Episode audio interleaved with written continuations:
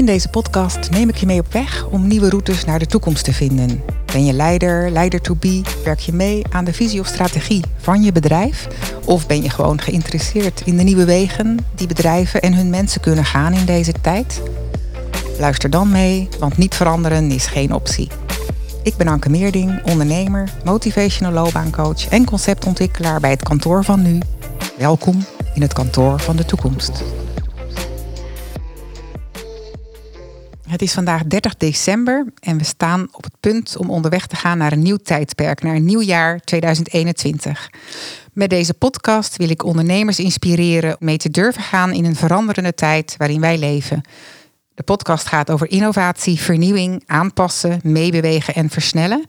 En ik spreek mensen die vanuit heel verschillende hoeken kijken naar innovatie, naar vernieuwing, naar nieuw perspectief voor bedrijven. Vandaag praat ik met Bas van der Graaf, inhoudelijk leider zingevingsplatform Holy Hub in Amsterdam, professional coach en voorzitter van de Alledagkerk. Hartelijk welkom eh, Bas van der Graaf. Welkom Bas. Dankjewel. Kun je wat over jezelf vertellen? Ja, ik ben uh, predikant in Amsterdam. Ja. Uh, ik ben dat ook in Gouda geweest. Dus uh, daar hebben wij nog een connectie liggen. Ja, klopt. Ehm, maar ik ben niet meer predikant in een uh, gemeenschap, in een, in een plaatselijke kerk. Maar ik ben allerlei andere dingen gaan doen. Om te beginnen ben ik uh, pioniers gaan begeleiden. Kerkelijke pioniers, dus eigenlijk kerkelijke start-ups. Ja. En uh, inmiddels ben ik zelf ook aan het pionieren op een zingevingsplatform. Dat Holy Hub heet. En ik ben voor mezelf begonnen om vanuit een praktijk van coaching en begeleiding en ja, ook inspiratie, eh, mensen van dienst te kunnen zijn in hun zoektocht naar betekenisvol leven. Dus dat is eigenlijk wat mijn werk betreft. Nou, ik woon in Amsterdam met mijn uh, vrouw. Wij zijn nog samen thuis en onze drie dochters die uh, zijn uitgezworven, wonen met hun gezinnen in Utrecht en in de Achterhoek. Precies, mooi om te horen, Bas. Ja. En uh, ja, ik weet van je dat je um, ook uit het bedrijfsleven komt. Ja, dat klopt. Ik, uh, uh, ik ben begonnen na mijn VWO-studie op, op, bij wat nu Deloitte is, als mm -hmm. assistent accountant. Ben ook, heb ook bij het NIVRA gestudeerd toen. Nou, dat heeft uiteindelijk een jaar of drie geduurd en toen ben ik geswitcht naar theologie. Maar die drie jaren zijn wel heel bepalend geweest voor mijn uh, leven eigenlijk. Ik heb altijd dat gevoel gehouden voor wat het betekent om in het bedrijfsleven te werken. Dus dat heeft me ook als predikant wel heel erg geholpen om met mijn voeten op de vloer te blijven en niet in de wolken te gaan uh, zweven. Ja. Precies. En um, vervolgens ben je um, predikant geworden. Ja. En um, ja, dat gaat ook over hè, betekenisvol leven en werken. En hoe keek je uh, toen naar het bedrijfsleven? Kun je daar wat over zeggen? Nou ja, het was voor mij niet helemaal dus een vreemde wereld. En daar ben ik altijd uh, blij om dat ik, dat, uh, dat ik daar dus ook echt in, ja, in gezeten heb, in gewerkt ook heb. En um, ik heb, wat, me altijd is bijgebleven, dat is dat. Um, dat in, dat in bedrijven je natuurlijk allerlei uh, processen hebt en systemen waar, uh, waar mensen dan in terechtkomen. Maar dat binnen die systemen mensen altijd blijven zoeken, individuele werknemers of, uh, of, of ook leidinggevenden, naar um, wat hun plek daar nou eigenlijk in is. En hoe zij kunnen bijdragen aan. Um, ja, aan, aan zeg maar betekenis. Dus uh, natuurlijk geld verdienen enzovoorts, dat, uh, dat is ook allemaal belangrijk. Maar dat, dat is me wel bijgebleven, ook vanuit alle gesprekken met collega's. Uh, dat dat belangrijke dingen waren. Dat was toen al, het was voor mij jaren tachtig dat ik in het bedrijfsleven zat. Ik heb de indruk dat zeker bij jongere generaties dat alleen maar sterker is geworden dat verlangen om um, ja, niet alleen een baan te hebben, maar, maar ook um, ja, een, een, uh, iets van, van roeping, van missie, mm -hmm. uh, te, te, kunnen voelen bij wat je, bij wat je doet. En nou, ik heb, ik heb gezien hoe moeilijk dat ook is, zeker in grote organisaties. Uh, dus ergens in mijn achterhoofd en soms ook wel wat meer in mijn voorhoofd is dat altijd met me meegegaan van oké, okay, dit zijn dus belangrijke dingen. Hè? Ook in mijn werk als predikant, om daar, als ik zondags dan eens wat riep vanaf de kansel, dat ik altijd wel dat ja, mensen moeten daar in die situatie ook wat aan hebben, eigenlijk. Ja, het lijken vaak natuurlijk twee uh, werelden: hè? De uh, theologische wereld en uh, de wereld van het bedrijfsleven. Ja. Um, Kunnen het ook zijn, maar dat uh, is niet de bedoeling volgens mij. Nee, precies. en um, hoe heb je daar zelf um, ja, verband tussen gebracht? In elk geval door heel veel te praten met, uh, met mensen. En altijd mm -hmm. weer heel, heel goed van hen te horen. Van joh, hoe ziet jouw dagelijkse leven eruit? Mm -hmm. Wat zijn nou de echte dingen waar je, waar je mee te maken hebt en waar je, ja, waar je voor staat? dat kan natuurlijk vanuit een soort veilige kokon van theoloog zijn of predikant zijn. Kan dat wel eens uh, heel ver van je afstaan. Maar juist door gewoon heel veel te praten met mensen. Ik heb er altijd echt diepe interesse in gehad ja, kwam je op het spoor dat, van, eh, van, eh, van A, wat, wat echte uitdagingen zijn van mensen. Hoe lastig het soms ook is om je persoonlijke roeping vorm te kunnen geven. Ja, en daardoor kwamen er ook wel steeds weer verbindingen met wat, wat er vanuit mijn traditie, hè, die, waar ik in sta, en vanuit mijn predikantschap ook uh, te geven is. Ook als het gaat om mm betekenisvol werken. Ja. En wat heb jij ervaren als de uitdagingen van leiders in het bedrijfsleven? Nou, wat ik sowieso altijd heel interessant vind, dat is dat er natuurlijk steeds meer een, een, een, beweging is gekomen om met mission statements te gaan werken. In, in de tijd dat ik, dat ik bij die, in die accountancy werkte, was dat eigenlijk nog veel minder sterk.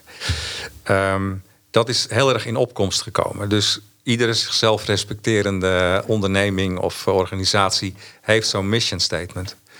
Maar wat ik wel zie en merk elke keer, dat is dat er toch wel een flinke kloof zit, vaak tussen die mooie woorden die op papier staan en, en wat, daar, ja, wat, er, wat daar in de werkelijkheid ook van gevoeld wordt ook door mensen. dus ik, ik spreek toch heel wat mensen die uh, in zo'n club begonnen zijn waar, waar een, echt een prachtig mission statement was. En dat ze dachten, ja, dat is dus echt de club waar ik voor zou willen werken. Want daar, daar wil ik aan bijdragen of zo. Maar dat het dan uh, in de praktijk toch echt lastig voor ze is. Omdat ja, dan toch het systeem of de, uh, de andere doelstellingen, uh, de, dus de, de dingen, de financiële doelstellingen of wat ook, toch ja, met, met hen aan de haal gaan eigenlijk.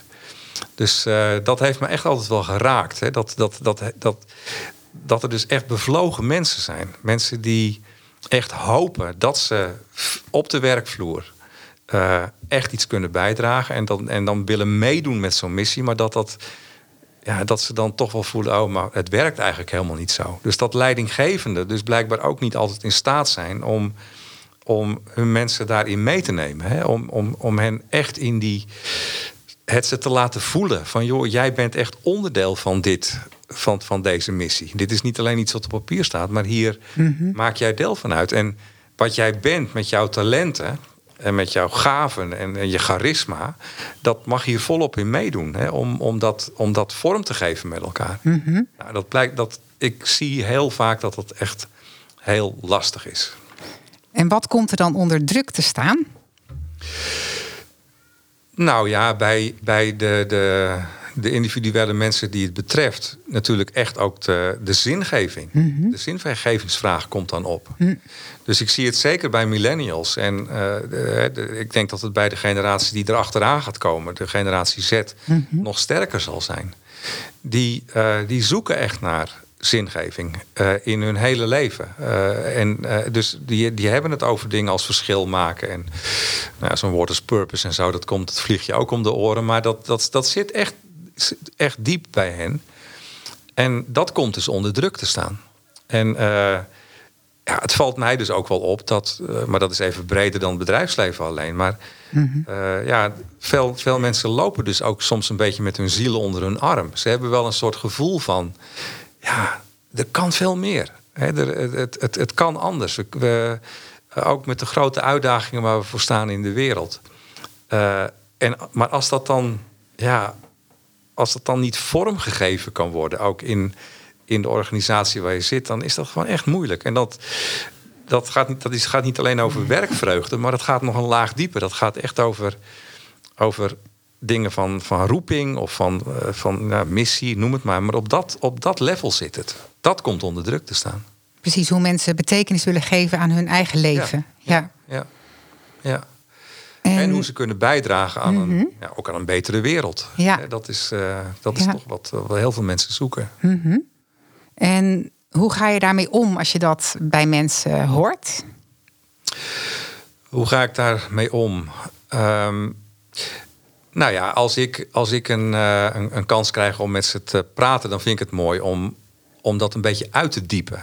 Hè? Om uh, ja, na te gaan van wat, uh, waar zit dit dan? Waar, hè, wat, waar, waar zit dan bijvoorbeeld jouw eigen verlangen en wat zou jij nodig hebben om, om, dat, hè, om dat echt een stap te kunnen, om daar echt een stap in te kunnen zetten? Ik, in, in, uh, in verschillende trajecten die ik ook gedaan heb, met, met zeker ook jonge mensen rond de 30, gaat het natuurlijk vaak ook spelen. Het klassieke dertigersdilemma. Mm -hmm. ja, heb ik, heb ik echt mooie trajecten gedaan waarin, waarin mensen echt de tijd namen om nou eens echt stil te gaan staan bij de vraag: maar wie ben ik nou eigenlijk zelf? Dus dat is eigenlijk de vraag naar je identiteit. Daar zit altijd achter van waar ben ik in geworteld? Uh, je, kunt, je moet ergens in geworteld zijn, wil je een stevige identiteit hebben. In een overtuiging, in diepe waarden. Als dat niet zo is, dan ga je je waarschijnlijk verslingeren. Dan ga je je verliezen in dingen die ik vanuit mijn traditie afgoden noem. Dingen die heel belangrijk lijken te zijn, gouden bergen beloven, maar uiteindelijk vaak lege hulzen zijn. Mhm. Dat is een groot risico. Dus die identiteitsvraag en van daaruit ook de, de, de vragen naar, maar wat heb ik nou eigenlijk te doen in het leven? Dat, is, dat is gewoon een hele wezenlijke, diepe vraag. En ik merk dus ook wel dat, dat juist ook ondernemers en mensen die in, in het bedrijfsleven uh, aan de gang zijn, heel vaak hebben, zijn dat een beetje doeners. Mhm. Of het zijn, het zijn mensen die, uh, die een, een, een slim stel hersenen hebben en, en dus heel goed strategisch kunnen denken. Maar die het soms heel erg lastig vinden om echt stil te staan bij die tragere vragen. Hè? Van ja, maar wie ben, wie ben ik nou echt? En wat, wat, uh, hoe zit ik hier nou zelf in? En ja, wat heb ik nou eigenlijk te doen? Nou ja, dat is ongelooflijk kostbaar als mensen daar tijd voor nemen. Um, en dan zie je ook wel gebeuren dat mensen vaak echt het roer echt om gaan gooien. Dat is natuurlijk wel de consequentie ervan. Dat, uh, dat mensen dan nou ja, of voor zichzelf gaan beginnen of gewoon echt een, een, een hele andere uh, koers gaan varen. Uh, dat, dat is wonderlijk om te zien hoe dat, uh, hoe dat dan werkt. Maar als, als je natuurlijk eenmaal bij dat, bij dat diepste komt van, van ja, wat jou echt beweegt, en dan, dan, ja, dan op een bepaald moment is er ook geen weg meer terug. Dan, mm -hmm. dan moet je. Dan moet je gaan. Precies, en jij spreekt daarover. Je hebt mooie voorbeelden daarvan gezien. Ja. Van mensen die dat doen. Kan je daar iets over zeggen?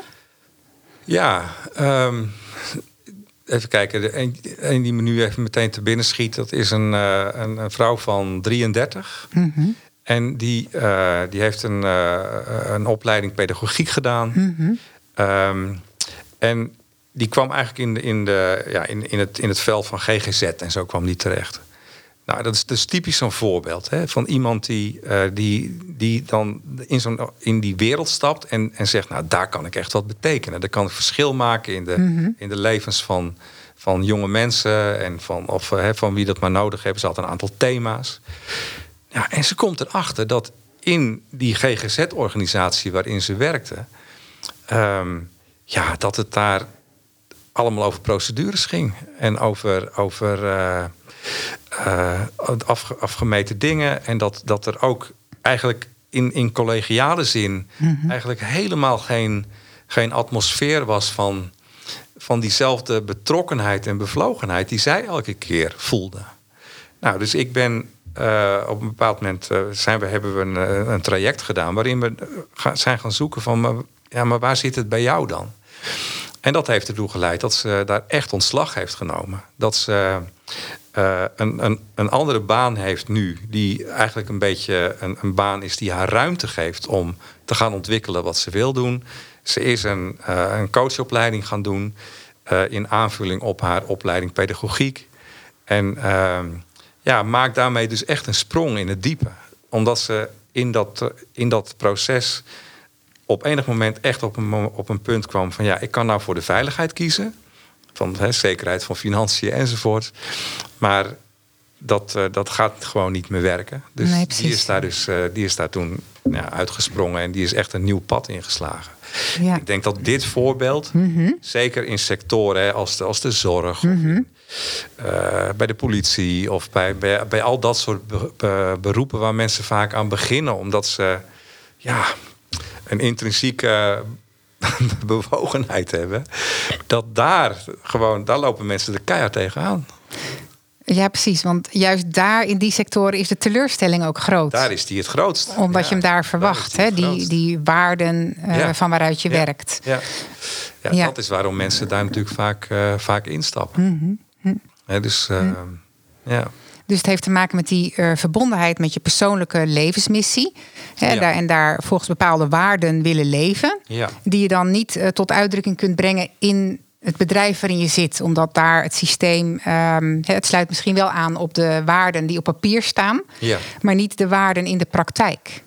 Nee, dat is. eh, en mensen voelen het gewoon vaak Mhm. niet. Eh, dus dat is, dat is als, het, als het om die grotere systemen gaat, dat gevoel dat wordt er eigenlijk gewoon bij ze. Dus mensen voelen het niet meer. Ja, en dan, dan krijg je een enorme discrepantie. Natuurlijk. Precies. En bedrijven willen natuurlijk een aantrekkelijk werkgever zijn. Hè? Ja. Want je wilt Ja. eh, goede Ja. werknemers aantrekken. Ja. En wat moet je daarvoor dan eigenlijk doen? Op het gebied van zingeving. Ehm, ik denk dat, dat om te beginnen, ehm, dat is natuurlijk al helemaal aan het begin, zou het natuurlijk fantastisch zijn als, eh, als, er, eh, als er echt is, ook goed geluisterd wordt naar mensen van oké, maar wat brengt jou dan hier? Wat, wat zie jij in deze organisatie? Wat breng jij hier? Wat, wat denk jij dat je kunt gaan bijdragen? Hè? En, en, en wat zijn jouw gaven? Wat zijn jouw talenten? Dat soort gesprekken. Precies, eigenlijk gelijk aan het begin. Gelijk aan het begin. Goed uitvragen Ja. van wat Ja. beweegt mensen eigenlijk om hier te komen werken. Ja, ja.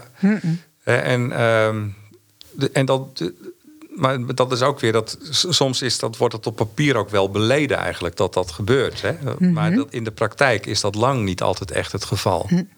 Dus ik vind altijd een heel belangrijk woord eh, ruimte creëren. Ruimte voor, voor mensen om, eh, om zichzelf te kunnen zijn. Tuurlijk, eh, de persoonlijke doelen en zo moeten altijd ook weer verbonden zijn met het, met het grotere doel. En het leven is ook niet alleen maar leuk. Hè? Dus er is ook corvée en er zijn ook gewoon harde doelstellingen enzovoorts. Maar het zou wel zoveel schelen als, eh, als de cultuur van een organisatie echt eh, zo is dat dit, dat dit soort gesprek eigenlijk mogelijk is. En dat je dus als leidinggevende daar ook eh, in, in voorgaat. Ik, ik hoorde pas een heel leuk voorbeeld van, een, ehm, eh, van iemand die vertelde. Er was een, een eindejaarsbijeenkomst. Nou, het is nu een beetje eindejaar, hè, en eh, dus er zullen er heel wat gaan volgen. En ehm, de leidinggevende die, ehm, die had een soort ver- verhaaltje. En ehm, die, ehm, die had eigenlijk twee dingen te zeggen. Eén, dat ging gewoon over, over de resultaten. En de ander, dat ging over de, eh, nou, de wat, wat meer intrinsieke dingen. En hij, hij, eh, hij zei van, eh, dat hij dat allebei zou gaan doen. Maar alleen al in de volgorde waarin hij de dingen ehm, naar voren bracht. Gewoon toch eerst die, die, die keiharde resultaten enzovoort. Sneeuwde dat andere eigenlijk totaal onder. Dus je merkte aan die leidinggevende van... Hij had ergens wel in zijn hoofd van... eh, ja, dit moet natuurlijk. Ja, Het wordt van me gevraagd. maar eh, het, het sneeuwde gewoon totaal onder. Onder gewoon de, die, die, die, die harde systema- systemische, de- dat, dat soort dingen. Precies, de- waarmee het authentieke er ook van eh, verloren gaat. Ja. Ja. En dat, dat nou ja, je zult, als je daar eens op gaat letten, dan zie je dat gewoon heel vaak daar al het probleem zit. Dat, er wordt gewoon niet een cultuur gecreëerd. Ik denk dat het ontzettend belangrijk is, als je er invloed op kunt hebben, creëer een cultuur waarin dit soort gesprekken ook, eh, ja, ook plaats kunnen vinden. Precies, dus je zegt vooral uh, ruimte creëren voor goede gesprekken over de persoonlijke levensmissies ook van mensen. Ja. Um, mensen komen natuurlijk gewoon werken, um, geld en uh, een baan hebben is een, is een argument. Ja. Maar uh, mensen zoeken toch ook veel meer dan dat. Ja, ja. ja en um, kijk, op dit moment wordt er ook wel steeds een beetje schoorvoetend hoor. Wordt, er Mhm. wel, wordt er echt ook nagedacht over zingeving op de, op de Mhm. werkvloer? Ook heel interessant trouwens, want ehm, ik las een artikel in The Guardian. Mhm. Waarin werd ehm, daar toch een beetje de vloer mee wordt, werd aangeveegd. Omdat je dus ook meteen ziet dat, dat in eh, bedrijven... er wordt gezegd, oh, zingeving is belangrijk. Dat wordt dan een beetje opgepikt. Ehm, en dan wordt het weer ingezet als een soort van tool. Een tool die, ehm, die dan uiteindelijk maar één doel dient. Namelijk dat we gewoon met z'n allen beter functioneren en meer knaken gaan verdienen. En ehm, dus dat is al heel snel begon dat een soort van te perverteren, zeg maar. Maar tegelijkertijd is er wel, is er wel heel veel, steeds meer aandacht nu voor. Dat die echt die diepere vragen van, van, van zingeving, waar doe ik het voor? Wat betekent dit? Ehm, eh, nou, daar zit ook ethiek natuurlijk bij. Hè? Gewoon echt ethische vragen. Ook, ook de hele ecologische. Dat is gewoon een hele ethische vraag die we hebben. Maar niet alleen dat. Het, is ook, het gaat ook over geestelijk welbevinden. Dus ehm, Als je nu terugkijkt op het afgelopen jaar, hè, we hebben een heel bijzonder jaar gehad. Ja, ja. Ehm, hoe heb jij het afgelopen jaar eh, beleefd? We staan nu aan het einde van het jaar. Eh, hoe kijk jij terug op dit jaar? Ehm, ja, het, het, het, was, het was een bijzonder jaar. Eh, voor mij ook wel omdat ik ehm, aan het begin van het jaar even uitgevallen ben. Eh, zoals ik verteld heb, eh, ik, ik was echt in beweging gekomen, maar ik, ik, het, het zat gewoon nog niet goed met mijn, de plek die ik, die ik had nu. Eh, dus ik, ik viel uit en eh, nou, dat- achteraf bleek dat een soort gedeeltelijke burn-out te zijn. Dus ik, ik zat al thuis en toen kwam de coronatijd eroverheen. Ik heb het wel bijzonder gevonden dat het, zeker in die eerste maanden, het wordt nu wat anders, denk ik. Maar dat het voor heel veel mensen toch ook echt wel een moment is geweest om even letterlijk stil te gaan staan, stil te gaan vallen. Je, eh, ik heb zoveel mensen gesproken die zeiden van jongen, ik kom, ik kom nu eigenlijk even aan dingen toe waar ik al heel lang niet aan toe gekomen ben. Dus ehm, ja, dat, dat is denk ik voor heel veel mensen wel gebeurd. Eh, met alle pijn en, en verlies en zo wat er ook geweest is. Want er is echt heel veel verlies geweest. Ja. En, en heel veel struggle. Maar dat, dat zag je ook. En dat is het, dat is het voor mij zeker ook, eh, ook geweest. Ik had nog een paar dingen uit te zoeken. En ehm, ja, ik heb die, dat afgelopen jaar ook wel heel dankbaar gebruikt om die ruimte te vinden. Want ja, zo simpel is het natuurlijk ook gewoon. Als we Wat heeft die reflectie jezelf gebracht, Bas?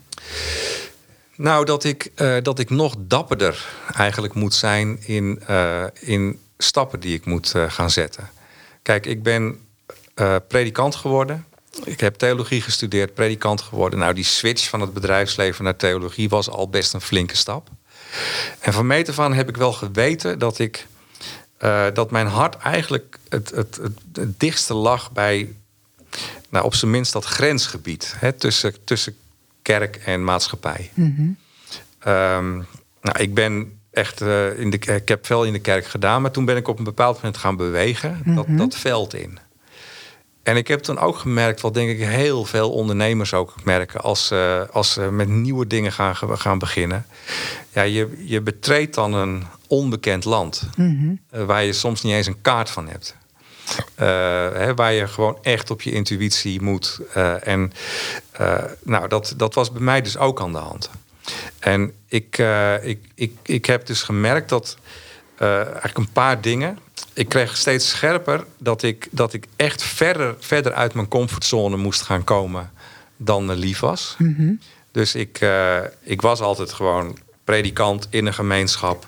Nou, dat, dat, dat heeft zijn eigen ritmes en zijn, en zijn kaders en zo. Eh, als je daar helemaal uitgaat, dan, dan ben je dat allemaal kwijt. En dan moet, je, dan moet het veel meer uit jezelf gaan komen. Dus dat stelt hele diepe spirituele vragen aan jezelf. Dat gebeurde dus ook aan mij. Van, na al die jaren, wat geloof ik nou eigenlijk van het leven en van, van heel veel dingen, van mijn roeping. Ehm, maar ook hoe, wat, ja, hoe zou ik dat nou echt kunnen gaan, gaan omzetten in vormen die, die dienstbaar zijn aan heel veel mensen die helemaal niks meer met de kerk te hebben, maar die wel op zoek zijn naar zingeving en naar eh, die, die diepe vragen stellen van wie ben ik dan en wat heb ik te doen.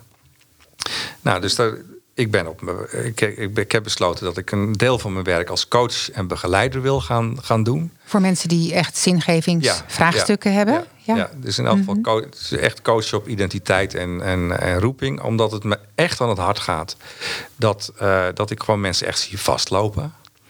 Uh, ik, ik heb uh, als, als motto voor mijn. Of mijn, ik heb mijn, mijn praktijk ingeschreven bij de Kamer van Koophandel. onder de naam Egeiro. Uh, dat snapt niemand, maar dat geeft niet, want dan kan ik er mooi wat over vertellen. Want het, is, het is een Grieks woord en het staat voor ik sta op. Ja. Uh, en opstanding is in de christelijke traditie natuurlijk een heel belangrijk uh, gegeven. Maar ik zie dat als een veel breder woord ook eigenlijk. Ik zie heel veel mensen die, die eigenlijk do letterlijk doodlopen mm -hmm. in, nou, in de dingen waar we het al over gehad hebben. Maar ik geloof ook heel erg dat mensen weer kunnen opstaan in een nieuwe toekomst, in een andere toekomst. Als ze tenminste dicht bij zichzelf komen en hun roeping weer gaan hervinden. Nou, als ik daarbij kan helpen, dat zou ik fantastisch vinden. Maar ik heb wel gemerkt in dat proces, en ik weet zeker dat heel veel mensen daar dit jaar ook in hebben gezeten. Um, wat je nodig hebt is ruimte in jezelf maken. En uh, de, de, ja, zeg maar de, de wereld instappen en het, en het gewoon aangaan. Maar wat je natuurlijk geneigd bent om te doen, is je vastklampen aan je zekerheden. Mm Dus uh, een van de redenen waarom ik dan uiteindelijk uitviel, was dat ik gewoon te veel aan mijn zekerheden was blijven hangen. En dan ga je zitten sjoemelen. Dan ga je, ga je echt marchanderen met je, met je diepste overtuigingen. En het ging strijden met je diepste overtuigingen. Dat gaat dan strijden. En dan, mhm. dan, zit je financieel misschien wel hè, en rechtspositioneel enzovoort, zit je dan wel goed. Maar je maakt niet genoeg ruimte om echt te gaan doen wat je, wat je moet doen. Ja, en dan gaat het mis. Dus ik, uh, ik noemde er straks ook even hè, dat van, van je identiteit. Waar ben je in geworteld? Nou, dat, dat heeft hier dus mee te maken. Dat, uh, ik noem dat altijd afgoden. Afgoden zijn eigenlijk uh, dingen die zo belangrijk zijn in je leven dat je ze eigenlijk boven alles stelt. En ze leiden je een beetje af van je persoonlijke ja, levensmissie. Ja. En, en afgoden zijn eigenlijk altijd bedriegelijk. Want ze, ze lijken aan de voorkant heel veel zekerheid te bieden. Beloven je ook gouden bergen, om het zo maar te zeggen. En dus dat kan zijn financieel, of dat kan status zijn, of dat kan. Dat zijn echt dat soort dingen. Hè? Maar ja, als je je eraan uitlevert, dan, uh, dan raak je jezelf kwijt. Letterlijk raak je jezelf kwijt. Dan verlies je jezelf. Mm -hmm. en... Nou, dat, dat, heb ik, dat ben ik allemaal nog weer een keer opnieuw. Mm -hmm. dat zijn, daar ben ik al een paar keer doorgegaan en dit jaar nog een keertje. Uh, ja, helemaal opnieuw. En ik denk dat, dat, dat het me nu wel ja, echt, echt veel verder alweer gebracht heeft om nou, in dat ook wel onbekende land, wat het, wat het nog steeds voor mij is. Ik vind het ook spannend om weer organisaties in te gaan. Want dat wil ik wel heel graag. Ja. Om, om juist over de, in dit soort dingen ook van betekenis te zijn. Nou, ik moet af en toe even diep ademhalen. ik vond ik dus, dit echt uh, spannend. Ja, precies. Dus... Maar uh, ik weet wel dat het, dat het hier klopt nu. Ja, precies. Bij je hart. Ja, ja. bij mijn hart klopt het. Dus uh, nou, dat is heel mooi, Bas, om te horen. Ja. Dus uit je comfortzone. En, maar ja. dat is eigenlijk juist dus dat stukje grotere uitdaging... waar wel je hart ligt. Dus uiteindelijk is dat toch je comfortzone. Of het geeft je toch de voldoening. Ja, uiteindelijk ben je daar thuis. Ja. dus... dus um, uh, maar die comfortzone, dat is natuurlijk een soort van. Ja, dat is een veilige omgeving die je gecreëerd hebt. Maar dat is niet per se de beste omgeving. Uh, daar, daar ontdek je het vaak ook niet wie je, wie je echt bent en wat je te doen hebt. Dat, dat, daar, daar, daarvoor moet je op zijn minst gaan stretchen. Dan moet je er eens even buiten, buiten gaan staan soms. En uh, ja, dat, dat is dan aan het gebeuren. Ja. Precies, en je zegt, je begint uh, hè, dit stuk met uh, ik wil dapperder worden en, ja. en gaan staan. Ja. En waar ga je voor staan, Bas? Nou, voor, uh, voor met mijn, met die bedrijfsnaam van mij, dat, dat, is, dat zit heel dicht bij mijn hart. Ja. Dus eh, het is een onmogelijk woord, maar het klopt helemaal. Want het, het gaat echt om. eh, ik wil mensen gewoon heel graag gaan helpen om op te staan in een nieuwe toekomst, in een betekenisvolle toekomst. Al die mensen die, die, die op een of andere manier vastlopen, dat, dat, wil ik graag. En dat wil ik het liefste doen met mensen die ehm, daarbij ook zingevingsvragen hebben. eh, maar die ze dus nooit, in mijn geval dan, in een, eh, die zouden nooit naar een kerk gaan bijvoorbeeld. Om daar eh, lid te worden. Of, maar die, die wel iets hebben aan nou ja, die wijsheid of die, die, die ehm, de bronnen die er ook in die traditie zitten. Hè? Dus in elk geval alle, De waarden. de waarden enzovoort. Ja. Ehm, nou, dat, dus dat wil ik heel graag doen. Mhm. Mensen opstaan in een, in een nieuwe, eh, laten helpen opstaan in een nieuwe, in een nieuwe toekomst.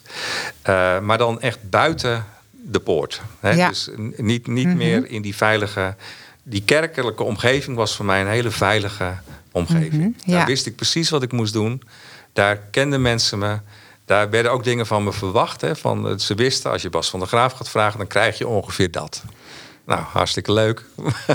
maar wat ik, dat ik nu hier te doen heb, dat, dat is anders. En uiteindelijk eh, belemmerde dat je om, Ja. om Ja. verder te komen. Ja. Om dichter bij je eigen levensmissie te komen. Ja. ja. En, en gek genoeg is het, brengt, het, het vervreemdt me niet van waar ik ooit begonnen ben of zo. Want eh, mijn vader bijvoorbeeld, die, die, die, zit, die vond het allemaal fantastisch dat ik dominee werd en zo. En die ziet nu dat ik allerlei andere dingen ga doen die die allemaal niet meer zo goed begrijpt. Ehm, terwijl ik denk, nou, maar er zit helemaal geen.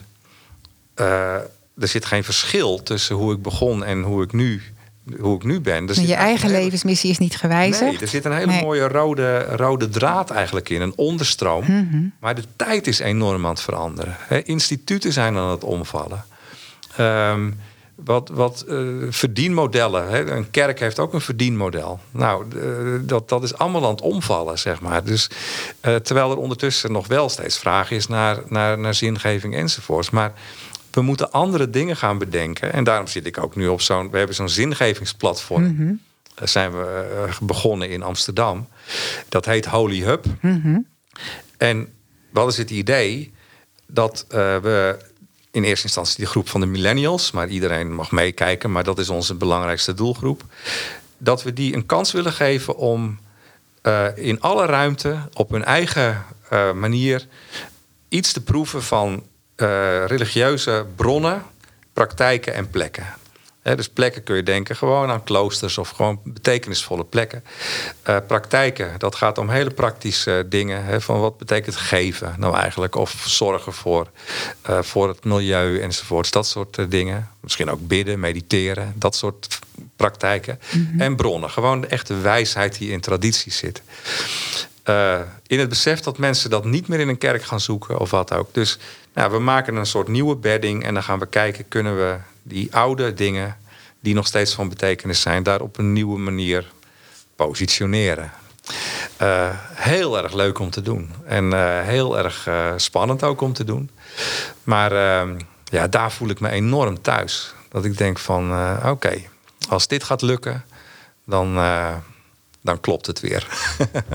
Dus je bent in een heel, ehm, met dezelfde levensmissie eigenlijk in een heel andere context gaan staan. Ja, omdat die, want die context is gewoon veranderd. Toen ik ooit Mhm. begon, en dat zal de ervaring zijn van heel wat ondernemers, en zeker het afgelopen jaar ook.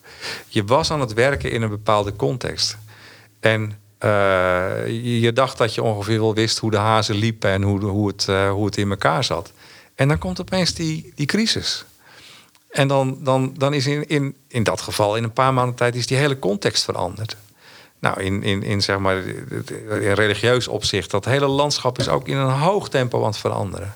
Steeds minder mensen zitten nog bij een, bij een kerk of wat, maar de vragen en, en, eh, zijn er niet minder om. Nee, precies. En dat onder ogen zien, van het is gewoon een andere tijd. Maar dat, hoeft ons niet, dat geeft ook weer nieuwe kansen. Hè? Tuurlijk zit er zit ook verlies aan vast. Ik heb ook getreurd over dingen die er niet meer zijn. Maar ja, inmiddels eh, ga ik niet meer treuren. Ga ik echt denken van, eh, er zijn zoveel andere mogelijkheden nu voor gekomen. en ik hoop echt ontzettend dat uh, degene en wat zie jij voor andere... te beluisteren, dat, die, mhm. dat die datzelfde hebben. Hè? Dat, ja. Kijk, contextveranderingen en crisis die kunnen je ontzettend verlammen. Maar uh, ja, het is bijna een cliché, maar ze, ze zijn altijd ook een, uh, een, een, een, een, nieuwe kans om, om de dingen opnieuw te herontdekken. Van, oh ja, wie was ik ook alweer? Wat heb ik ook weer te doen? Precies. Ja. En nou, veel ondernemers gaan hè, in de komende dagen in het nieuwe jaar een uh, nieuwjaarspeech uh, houden. Ja. Um, wat hoop je dat daarin terug gaat komen? Ik zou echt hopen dat, um, dat daar op een hele authentieke manier. En daar hoort volgens mij ook bij dat gewoon echt de twijfels en de, en de, uh, de wanhoop soms ook. Want er zit natuurlijk ook echt wanhoop bij heel veel ondernemers. Dat dat, dat, dat eerlijk benoemd wordt. Maar uh, dat, dat die verhalen starten bij: oké, waar was het ook, waar was het ons ook weer om te doen? Um, en, uh, en, en dat het ook in de goede volgorde gebeurt. Hè? Dus dat, uh, wat, dat voorbeeld wat ik noemde, ja. dat het er niet een beetje bij bungelt, maar dat, dat het echt uh, voorop staat, het dragende deel is. En dat, dat dan vervolgens die leidinggevende ook het zo vertelt dat hij dat hij echt weet, hier ga ik mijn mensen in meenemen. Ik zie jullie. Dus ik zie jullie echt. Jullie zijn geen nummer of zo. Of, uh, nee, maar ik, ik, zie, ik zie jullie echt. En we, sta, we staan hier echt samen voor. En ik denk dat uh, juist dit, dit jaar... Uh, dat zullen vast allemaal andere toespraken zijn dan de afgelopen jaren. Maar ehm, ja, ik, ik hoop dat, dat, dat, dat het een soort van bijna uitgezuiverde toespraken zullen zijn. Die, die veel, nog weer veel authentieker zouden zijn.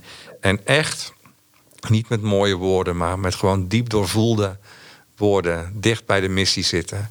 En wat daar nog, ja, wat daarvoor nodig is, omdat in een totaal andere tijd in bepaalde opzichten. En we weten echt niet meer of het ooit nog weer normaal gaat worden zoals we denken. Maar dat, dat die missie ook in die nieuwe omstandigheid dan ook uh, weer opnieuw kan worden opgepakt. Mm -hmm. Dat zou ik echt hopen. Dus... En als je dat doet, nou, dan, mm. dan, dan, dan hou je echt een mooi verhaal. Daar neem je je mensen ook echt mee mee. Ja, mooi gezegd. Dus het gaat er eigenlijk over, zeg jij, dat je in verbinding met jezelf, met je eigen levensmissie, uh, ja. hè, een uh, ja. toespraak houdt en je ja. mensen motiveert. En, um, en daarmee uh, mensen gaat meenemen. En dan in verbinding treedt met je mensen, door ze ook echt te zien. Ja. Ja, en dan ook echt in het besef. Dat, kijk, een missie is altijd groter dan jezelf. Hè? Dus uh, dat is. Hoe bedoel dat, je dat, uh, Bas? Nou, dat is. Um, uh, dat is natuurlijk een, een, een besef wat uit religies ook komt. Dat, dat, dat roepingen, missies, die komen. Dat is niet je eigen ideetje. Of je, of je eigen leuke plannetje. Maar dat is, dat is een, een groter belang. Een, een groter perspectief. Een soort beloofd land. Hè? Dus bijbelse verhalen gaan altijd over het beloofde land. En daar zit soms een rivier tussen die je nog moet oversteken enzovoorts. Maar er is een beloofd land. Um, dat, dat, dat is missie. dat, is, dat is echt purpose, zeg maar. Dus de, de, de richting gaat naar, het beloofde, naar dat beloofde land toe. Um, en dat is belangrijk dat, dat mensen dat ook voelen. Kijk, die, die toespraken van Obama bijvoorbeeld. Hè, die, die, zijn, zijn autobiografie heet nu ook Het Beloofde Land. Mm -hmm. Maar uh, en hij stond weer in de, in de traditie van Martin Luther King. Maar dat waren, dat waren echt mensen. Of hij, hij is en Martin Luther King was. Ja. Mensen die, die zo'n opvatting hadden over, over wat, wat missie is. He, dat is iets wat, wat je zelf overstijgt. Dus als het goed is, heb je als, als bedrijf en als organisatie ook zo'n soort, zo'n soort missie. He, dat wat echt een een beloofd land is. Want daar zijn we naar op weg. Of daar mogen we aan bijdragen. En dat is groter dan, dan ik als leidinggevende ben. Of groter dan wij allemaal. Het is een, ja, snap je wat ik bedoel? Ja, en ik heb wel een vraag erover. Want um, he, sommige bedrijven, zoals financiële instellingen, kun je dit nou doen vanuit elke sector? Kun je dan vanuit elke sector zo'n beloofd land hebben waarin je eigenlijk een bijdraagt aan een betere wereld, om dat maar even zo te benoemen? Denk jij van niet? Ehm, ja, ik denk het wel dat dat kan, ja. Maar ik vind het mooi als jij daarover vertelt.